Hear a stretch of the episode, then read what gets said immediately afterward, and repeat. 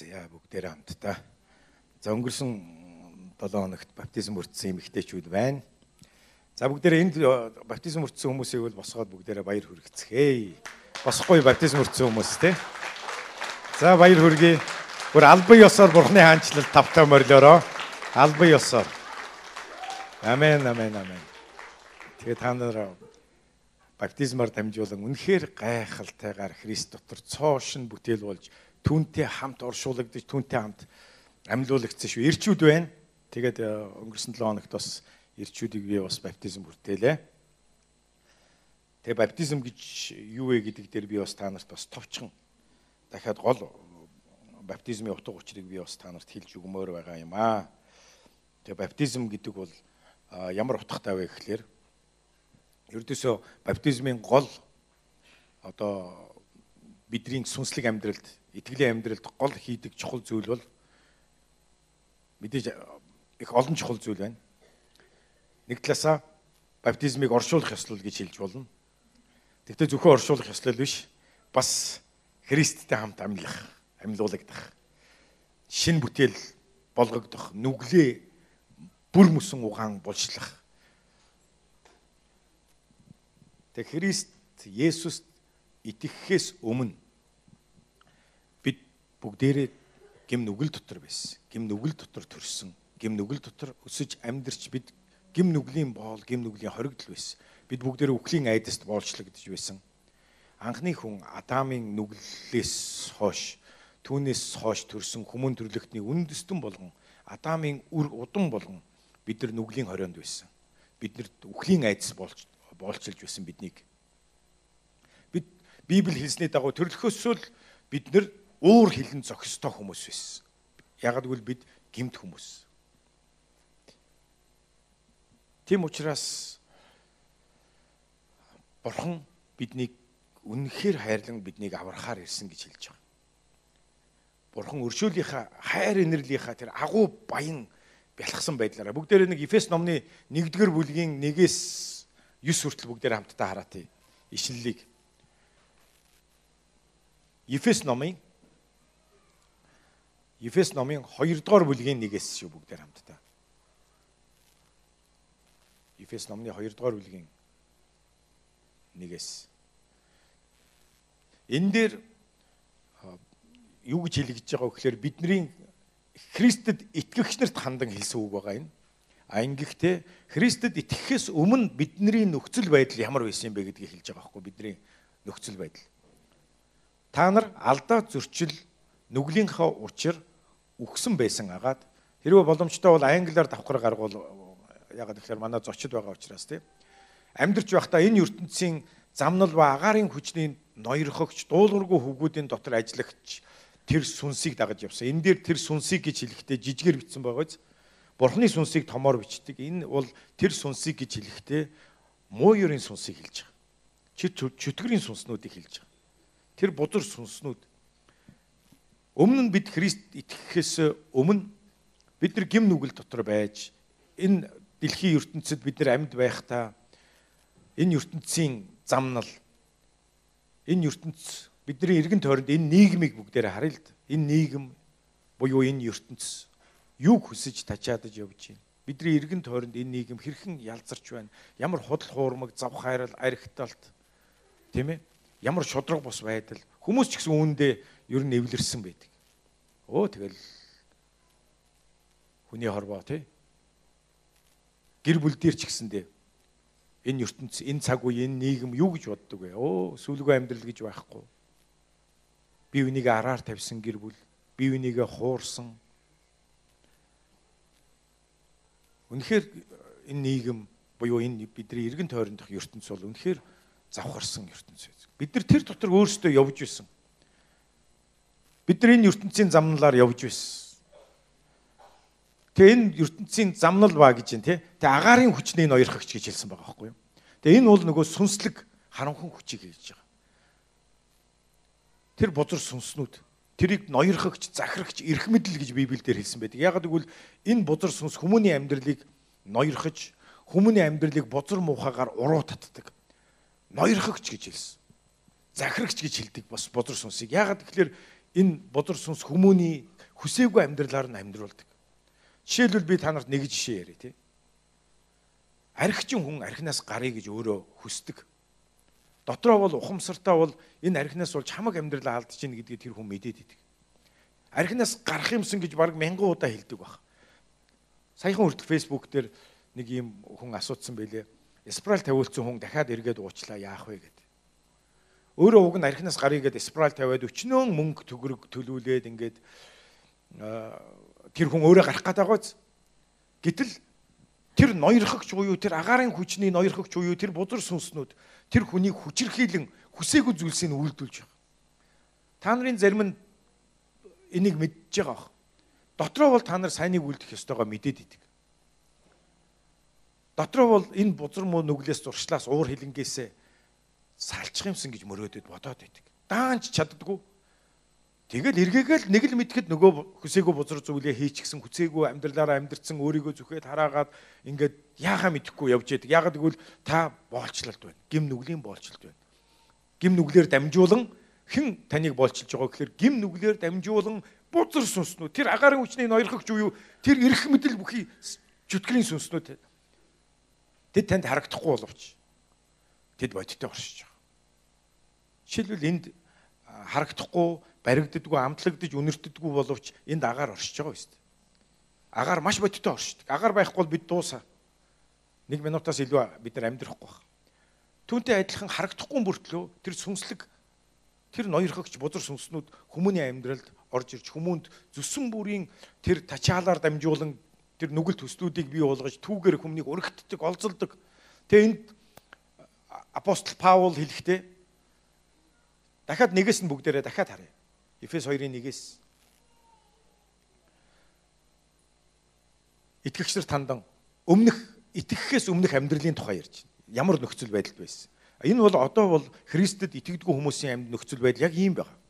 Та нар алдаа зөрчил нүглийнхаа учир үхсэн байсан. Амьд боловч үхсэн. Биологийн амиараа бол яг амьд нэг амьтай голтой хүн амьдарч байна. Гэхдээ сүнслэг амиараа зүгээр л үхсэн нэг юм байсан. Тэд бурхныг мэдэхгүй, бурхныг сонсохгүй. Ягаад гэвэл сүнслэг үхэл дотор байгаа учраас. Тэгээ тийм амьдарч байхдаа ертөнцийн замнал ба тэгээ ертөнцийн замнал гэдэг нь одоо энэ нийгмийн одоо ялзар завхарсан үзэл бодол шүү дээ энэ нийгмийн систем энэ хүмүүс юу гэж юунд хүсэж тачаадаж амьдарч чинь юуг энэ ертөнц үнэлж үн цэн өгч амьдарч чинь яг тэрний дагуу л амьдарч байгаа.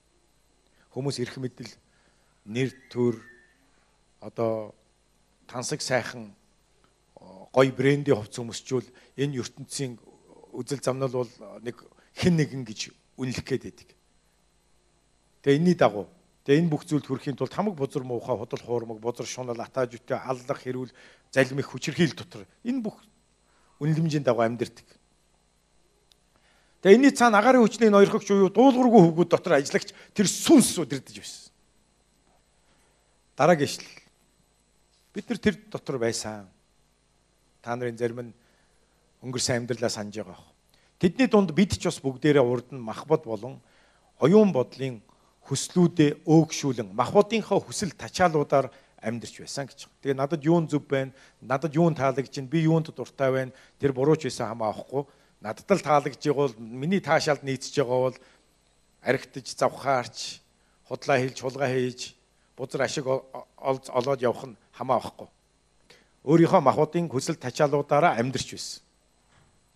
Хүн төрлөх байдлаараа бусдын мөн төрлөх байдлаараа бусдын адил уур хилэнг хүртэх хүүхдүүд байсан юм а гэж. Бид нар төрөхөөсөө л энэ гим нүгэл дотор төрж амьдрсан учраас бурхны уур хилэн хүртэх тийм л хүмүүс байсан. Бурхны уур хилэн бол үнэхээр аимшигтай гал байх бол. Библиэлд тамийн тухай хэлдэг. Там бол мөнхөд асаж байгаа галт нуур юм гэж. Тамд хаягдсан хүн тэндээс хизээч гарахгүй гинэ. Тамийн гал унтрахгүй, тамийн өт хорхоо өөхөхгүй. Тамд орсон хүн тамд шатан тарчилж явахдаа үхчих юмсан гэж хүсвж үхэж чадахгүй гэж Есүс хэлсэн. Ягд үл үхсэн байгаа л тэр гинэ. Там бол мөнхийн зовлон, мөнхийн дарчлал. Энэ бол бурхны уур хилэн, гим нүгэлт хүмүүст ирэх. Ийм байсан бид нэр. Гэтэл биднийг хайрлсан агуу хайраар та нар хэлэхгүй юу? Агуу хайр. Энэ агуу хайр та нар энэ агуу хайр хайрыг яаж мэдхөөг бол загламаар хараач. Загламаар хар. Бидний төлөө гимтээ бидний төлөө таны төлөө бурхан цорын ганц үгээ загалмай дээр өгсөн энэ ямар агуу хайр вэ? Гимтээ бидний төлөө. Төрхөөс уур хинлэн хүртэх ёстой. Бидний нүглийн төлөө амиа өгсөн энэ хайр юутай агуу хайр вэ? Ямар агуу хайр вэ? Ямар энэ хайрын тухай Библи хэлэхдээ энэ бол мэдлэгийг давдаг хайр гэж хэлсэн байна. Мэдлэгийг давдаг. Ямар ч мэдлэгтэй, ямар ч хүн төсөөлхийн аргагүй энэ хүний төсөөллийг хүний бодол ер нь ойлголтыг давна. Яаж миний төлөө өгсөн баг. Тийм учраас энэ хайрыг агуу хайр буюу мэдлэгийг давдаг хайр гэж байгаа. Зүгээр энэ хайранд итгэхээс өөр арга байхгүй. Амен. Үнэхээр энэ агуу хайраараа энэ хайраараа өршөөлөөр баян бурхан та нар хэлэхгүй одоо өршөөлөөр баян гинэ. Бурхан бол өршөөлөөр баян бурхан. Бурханы маш олон нэр байдаг л да. Мөнхийн эзэн, төгс хүчит эзэн. Тийм ээ? Биднийг эдгээгч, биднийг чөлөөлөгч, биднийг аврагч. Гайхамшигтай юр бусын нэрүүд байдаг. Энд бас нэг бурханы нэг нэр хэлэгдсэн байна. Өршөөлөөр баян бурхан гэж та нар төсөөлж үзтээ. Бурхан хайр, өршөөл, уучлалаар баян гинэ. Энэ агуу бурхан тэгээ алдаад зөрчил дотроо биднийг өгсөн байхад өгсөн биднийг Христтэй хамт амьд болгосон гэж. За Христтэй хамт амьд болгосон. Та нар нэгүслэр аврагдсан юм а гэж хэлсэн байна. Нэгүслэр та нар хэлэхгүй нэгүслэр аврагдсан. Тэгээ нэгүслийн талаар нэгүслийн талаар нэг тайлбарлаж хэлэхэд бол нэгүсэл гэдэг бол юу гэсэн үг вэ гэхээр та бидний таны хүртэх ёсгүй тэр сайн сайхныг бурхан танд өгсөн гинэ. Уул нь бол хүртэх ёстой зүйл нь гимтэй, нүгэлтэй амьдрсан би. Та бид нар бүгдээрээ там руу явах байсан. Зохих ёстой зүйл нь бол нүглийн төлөөс бол үхэл байхгүй. Гимт хүн болгон хальс хог мэд шатаагдан хаягдах ёстой байтал биднэрт хүртэх ёсгүй тэр инэрлийг үзүүлсэн нь энэ загалмай хайрыг үзүүлсэн нь бидэнд аврагдах гайхамшигтай боломж нэгүслийг өгсөн нь энэ бол нэгүсэл байгаа. Энэ бол аврал байгаа. Аврал бол нэгүслэр ирсэн. Амен. Нэг Францын армийн үед Наполеоны үед нэг цэрэг одоо харуул дээрээ гарч байгаад унтцсан юм байна л дээ. Тэр чинь дайн болж байгаа. Харуулын цэрэг унтсан та нар бодоо харуулын цэрэг дайны үед унтвал юу болох вэ? Дайсан ороод ирвэл тэнд чинь харуулын цэрэгт найдаад амарч унтаж байгаа бүх айрам тэр чигтээ ялагдана. Айрам ялагдчихвал яах вэ? Тэр улс үндэстэн тэр бүхий л тэр гэр бүлүүд тэр үр хүүхдүүд тэр чигтээ улс үндэстэн устгагдах болно. Боолчлолд орох болно. Маш хариуцлагатай зүйл байхгүй. Тийм учраас байлдааны цагийн хуулиар тэр цэргийг цаазаар авах ёстой. Яг тийм болгосон. Тэр цэргийг аваачаад цэргүүдийн голд буудан хороох гэж байхад ээж нь хурж ирээд та түүнийг нэгүүлсэчээ гэж гуйсан байгаа юм л да Наполеоноос. Тэгсэн чинь юу ярьж байгаа юм бэ? Энэ хүн чинь харуул дээрээ унтсан байна. Энэ бол үхэх ёстой. Гэт нөгөө тэр э, цэргийг буруутгасан тэр буруутгалыг хэлэх үед ээж нь харин тийм ээ. Тийм учраас л би нэгүүлсэч гэж гуйж байгаамаа гэж хэлсэн. Нэгүүлсэл гэдэг бол бидний хүртэх ёсгүй зүйлсийг бидэнд хийж өгөхийг хэлж байгаа. Тэр сайныг. Амен. Бид нэгүслэр аврагдсан гэж Библи хэлж байгаа. Амен. Тэгээ бид нар Христэд итгэж итгэх үедээ бид нар өнгөрсөн амьдралдаа хийж явсан санаатаа санаандгүй хийсэн амаараа хэлж ярьсан зүрх сэтгэлдээ тачаатсан хэдийгээр та хийгээгүй ч байсан гэсэн хийхэд бэлэн байсан хүний зүрхэнд Үнэхээр аимшигтай худал хуурмаг аллах хүчрхийлэл завхаар л байдаг. Хэдийгээр хийгээгүй ч. Тэм учраас Есүс юу гэж хэлсэн бэ гэхээр чи хэн нэгнийг үзен ядсан бол алуурчин гэж тооцогдох болно гэж хэлсэн. Аль хэдийн алсан хэрэгэ гэж хэлсэн. Бурхан тэгж тооцох болно. Бурханы хэмжүүр ямар хөршгүй өндөр вэ? Бурханы хэмжүүр юутай ариун бэ? Бид нар бол хийсэн алсан нэгнийг алсан гэж үздэг. Гэтэл бурхан харахтаа хүмүүний зүрхийг харахтаа хүмүүний зүрхэнд ямар их аллах хүчирхийлэл садар сам унд завхрал байгааг харахтаа бүгд бузар гэж хэлдэг. Бүгд гимтэй гэж хэлдэг. Тэг яагаад сэтгэлдээ хэн нэгнийг үзен ядсан тэр нэгэн алуурчин гэж тооцогдож байгаа юм бэ гэвэл анх би энийг сонсоод гайхсан. Бас нөгөө талаас оо ямар шудраг биш юм бэ гэж бодсон. Яагаад би тэгж бодож байгаа гэхээр би гим нүглийг хэмжихдээ дандаа хүний хэмжүүрээр хэмжиж ирсэн. Хийсэн бол нүгэлтэн. Эсвэл хүний хэмжүүрээр хэмжихдээ надаас илүү гимтэй хүнтэй өөрийгөө харьцуулахдаа дандаа би гайгүй штэ гэж боддог. А бурхан харин харахтаа хүний зүрхэнд юу байгааг хардаг. За дахиад би тайлбарлая. Ягаад гэвэл энд маш олон шинэ хүмүүс байгаа учраас. Ягаад хийгээгүй мөртлөө хүнийг үзэн ядсан нэгэн алуурчин гэж бурхан тооцохдох вэ гэвэл та хэн нэгнийг үзэн ядаж үзсэн үү? Таньяа сулгаалсан, таныг доромжилсан, хүчрхийлсэн. Одоо заримдаа хүмүүс тэр байтугай гудамжинд явж байхдаа аригчин янз бүрийн хүмүүсийг гудамжны хүмүүсийг харахтаа эдрийг одоо алчих юмсан тий эдгээр үхээсэй гэж заримдаа боддог шүү дээ тий А тэгээд яагаад та алаагүй юм бэ? Үзэн ядсан хүнээ. Яг алах гэсэн чинь та өрөвдөөд, уучлаад, хайр хүрээд, учиргүй инрээд алаагүй мөгүүл өгүүл байхгүй юу? Яагаад алаагүй? Үзэн ядсан үнэ. Боломж олдоогүй л байхгүй юу? Нөхцөл бүрэлдээгүй байхгүй юу? Хэрвээ та хаан байгаад танд хууль үйлчилдэггүй байсан бол таанд эрх мэдэл нь байсан бол та үзэн ядсан тэр дургу хөргсөн хүмүүсээ авчираа цаазлахад байсан байхгүй. Бурхан хүмүүний зүрхийг харахтаа нөхцөл бүрэлдэхэд хийхэд бэлэн тэр алуурчны сэтэл зүрхэнд байгааг харахтаа алуурчин гэж хэлдэг. Ягаад гэвэл тэр хэдийгээр хараахан хийгээгүйч энэ хүн нөхцөл бүрэлдэхэд хийхэд бэлэн. Өөрөөр хэлбэл зүрх нь аль хэдийн алуурчин аллах хүчирхийлэлээр дүүрэн. Тийм учраас тэр бурханд алуурчнаар тооцогдох бол. Ягаад гэвэл хүмүүс гаднахыг хардаг бол бурхан доторхыг хардаг. Тийм учраас бид нар үнэхээр Библи биднийг хэлэхдээ бид нар алдаа зөрчил дотор аль хэдийн өгч гисэн байсан. Аль хэдийн бид нар уур хилэн зөкстөө, аль хэдийн бид нар үнэхээр тамд ороход бурхан биднийг тамд хаяхад бурхан Бурхныг хинч буруутгах чадахгүй та бид нар. Бурхан шүүгдэхтэй шүүгдэхтэй шүүхтэй үргэл зөвтгөх болно. Яг л тэр бол ариун учраас. Хинч Бурхны өмнө өөрийгөө өмгөөлж зөвтгөх чадахгүй. Яг л бид бол гимт хүмүүс байсан. Харин Христ Есүст итгэсэн итгэлээр бид гим нүглээ ухамсарлан бид үнэхээр гимтэй гэдгээ ухамсарлан бид гимшээд бид баптизм хүртдэг Христийг итгэн өөрийн аврагч хийснэ болгон баптизм хүртэх үед баптизм яагаад оршуулах ёслол вэ гэхээр би дараа нь ишлэлээ уншиж байна. Гимт хүн Христийг аврагч эзэн миний нүглийн төлөө энэ ертөнцид ирсэн юм байна. Түүнд итгэх итгэл дотор миний гим нүглийн уучлал өршөөл байгаа юм байна гэдгийг ухааран Есүст гим нүглээ ухааран гимшин итгээд баптизм хүртэх үед баптизм бол усны ёслол. Усанд одоо монголоор бас нэг тайлбар нь живэлт хүртэх гэсэн утгатай. Гэхдээ энэ бол живэлт хүртэхээс ч илүү зүйл.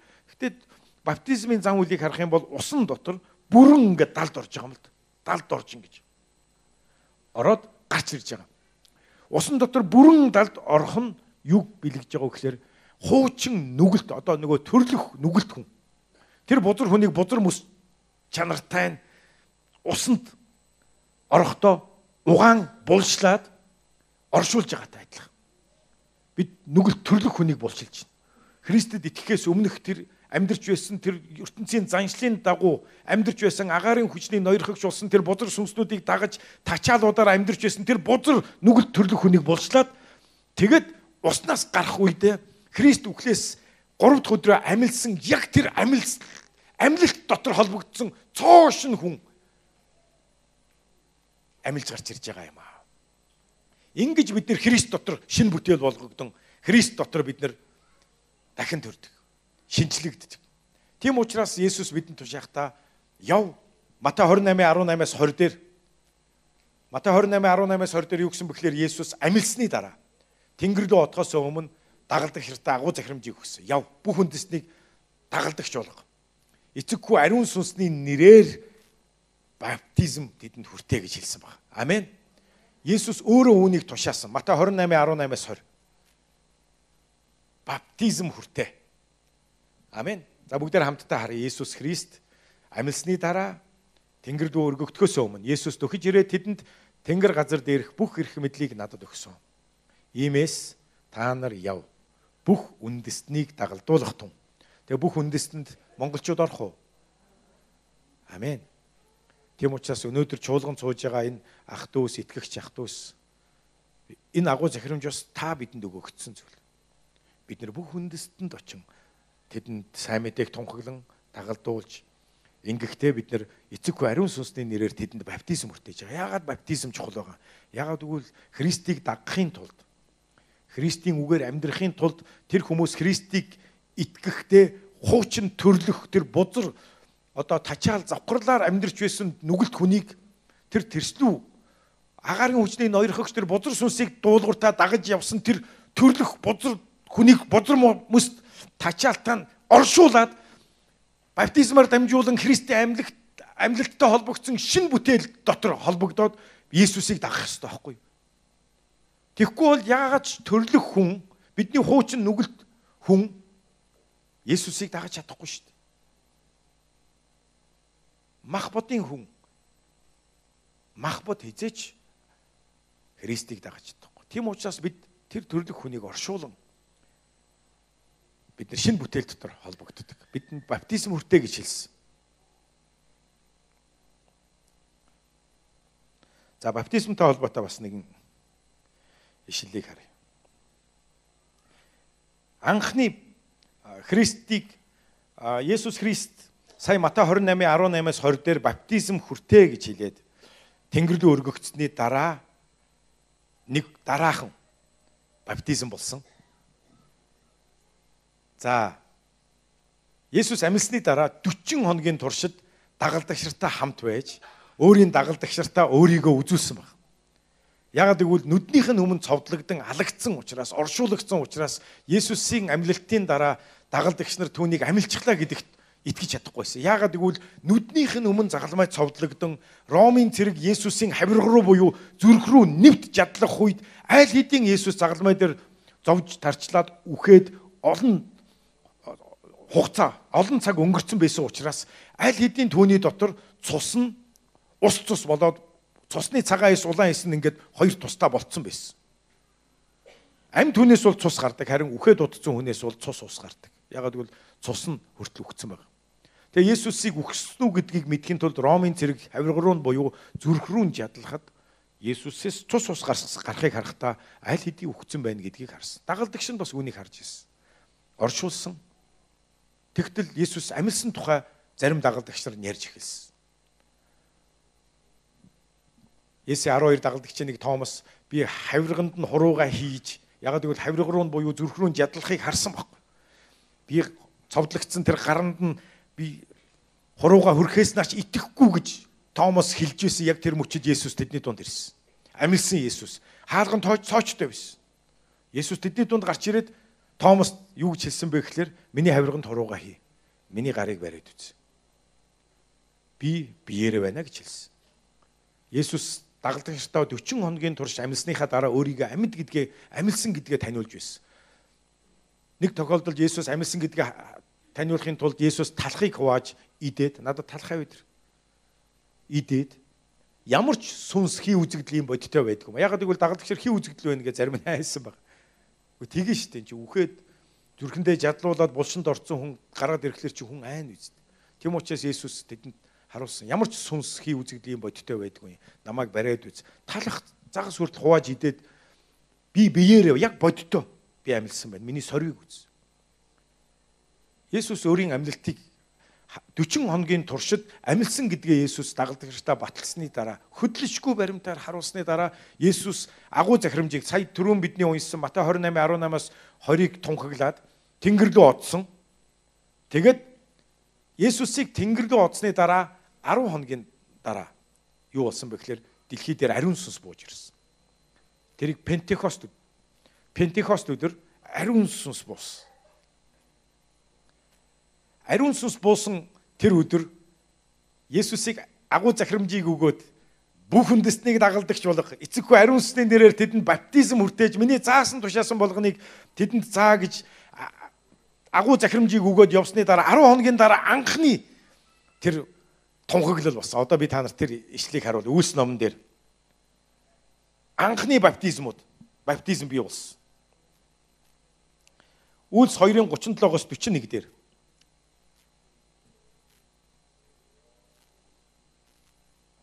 Тэрхүү агуу захирамж 10 хоногийн дараа ингээд биелэгдэж эхэлсэн. Баптизм бүртээгдсэн. Ариун сүнсээр дүүрсэн Петр тэр үед Иерусалимд Пентекост өдөр болоод дэлхийн өнцөг булан бүрээс хүмүүс ирсэн байсан. Евдэчүүд ирсэн байсан. Тэгээд ариун сүнсээр дүүрсэн Петр босоод тэдэнд тунхагласан.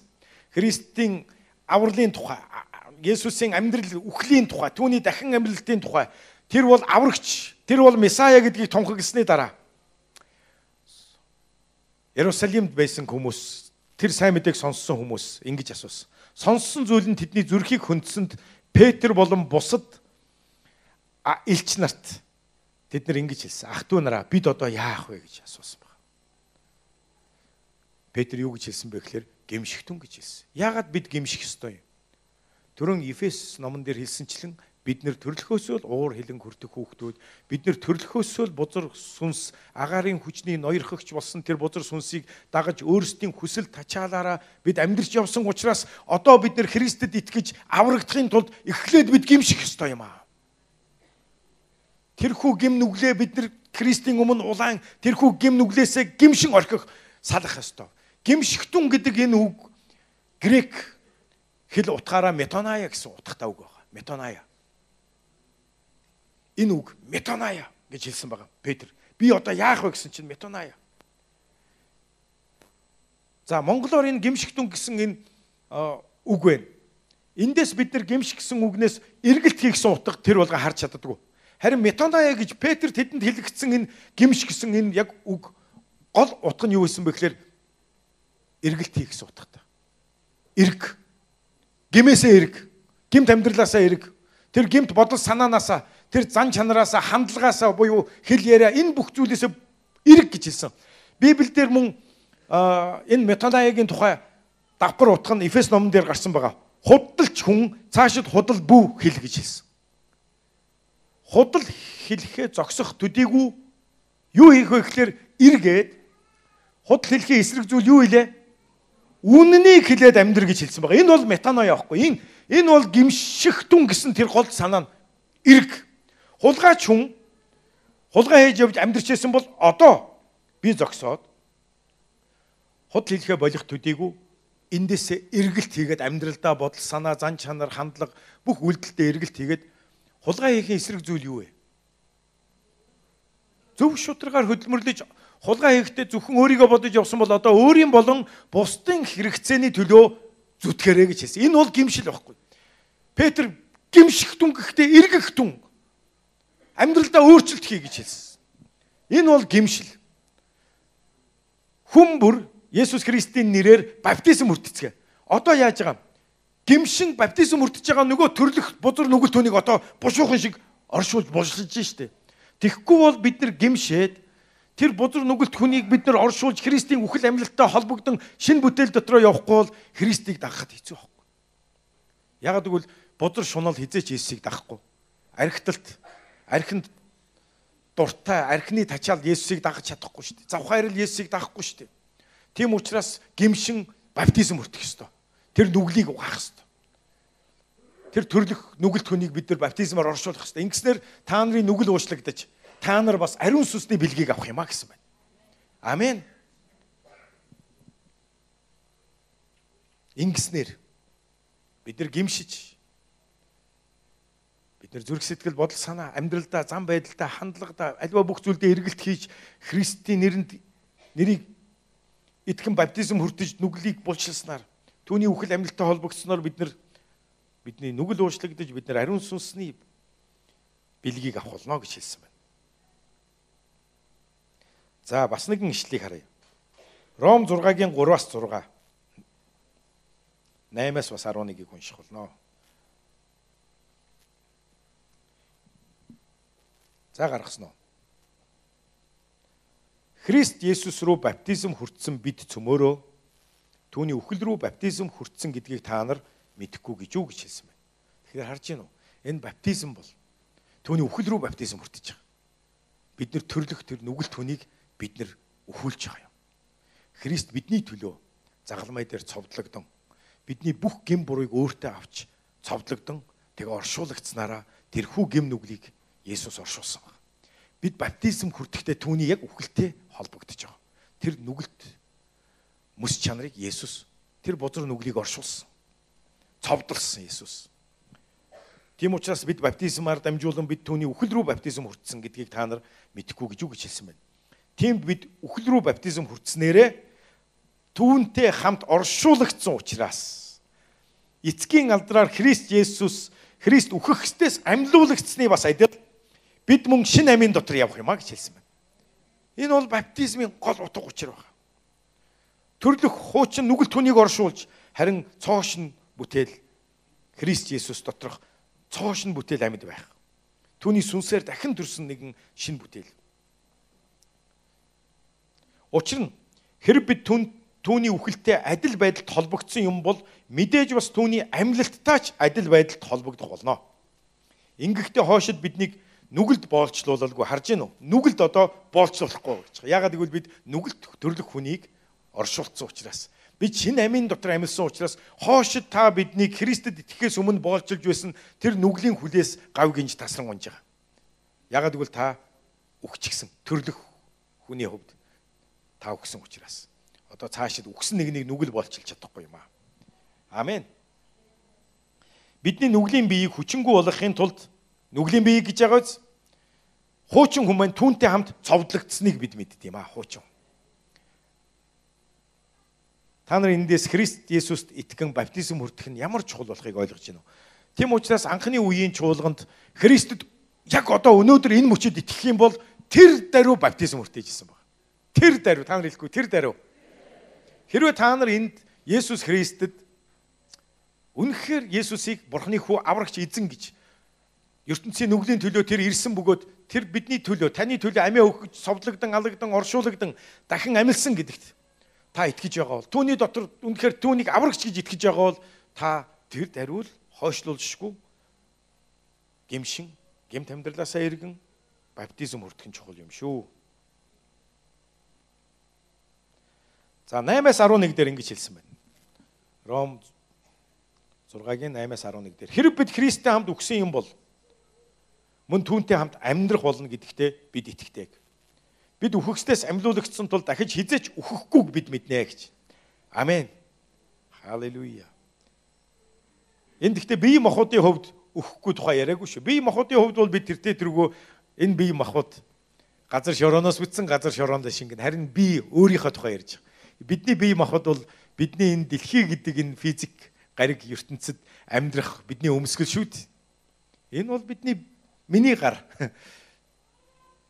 Энэ бол миний нүд. Би энэ нүдээр та нарыг харж байна. Энэ бол миний ам байна. Би энэ амаар би та нартай харилцаж байна. Энэ бол миний чих. Би энэ чихээр сонсож байна те. Би өөрөө хаана байгаа? Би өөрөө энэ дотор байгаа тэр амин сонс. Тэр амьд бодгал бол би энэ дотор байгаа. Би бие дотор байна. Амен. Харин бидний бие махбод газар шорооноос бүтсэн газар шороондоо шингэх үед харин би энэ хувцс махбодыг хувцс мэт өмсгөл шиг тайлан харин би үхшгүйг өмсөд бурхны өмнө очих бол. Амен. Тийм учраас бид үхэхгүй гэдэг энэ зүйлийг бидний яг бодит доторх тэр дахин төрсэн амийн тухай ярьж байгаа. Амен. Библи үхэл гэж ярихдаа зөвхөн бие махбодын үхлийг ярьдгүү гэдгийг та нар маш сайн ойлгох хэрэгтэй. Үхэл бол зөвхөн бие махбодын үхэл биш шүү дээ. Үхэл гэдэг бол сүнсний үхлийг хэлж байгаа. Библи Есүс хэлэхдээ хоёр дахь үхэл гэж хэлсэн байна. Эхний үхэл бол махбодороо үхэн, махбод бол ялзрна. Харин хоёр дахь үхэл бол тэр хүн өөрөө тэр Бурхны өмнө очин шүүгдэхдээ Христийг аврагч эзнээ болгон гимшин гим тамдралаа орхин Христийг дагаагүй бол энэ хүн гим нүглийнхээ дагуу шүүгдэхдээ хоёр дахь үхэл буюу яг жинхэнэ мөнхийн үхлээр үхэн энэ бол аимшигтай там байх бол. Тийм учраас Христ Есүст итгэгч нар үхэхгүй гэдэг нь тамд явахгүй гэсэн үг хоёр дахь үхлээр хөнөөгдөхгүй гэсэн утгатай юм аа. Тэгэд Христ Есүст итгэсэн хүмүүсээ л гараа өрөхгүй. За дэрэгт гараа өргөсөн хүмүүст хэлээрэ. Та хоёзээч хоёр дахь үхлээр хөнөөгдөхгүй юм аа. Амен. Танд харин мөнхийн ам байгаа шүү гэж хэл. Мөнхийн ам.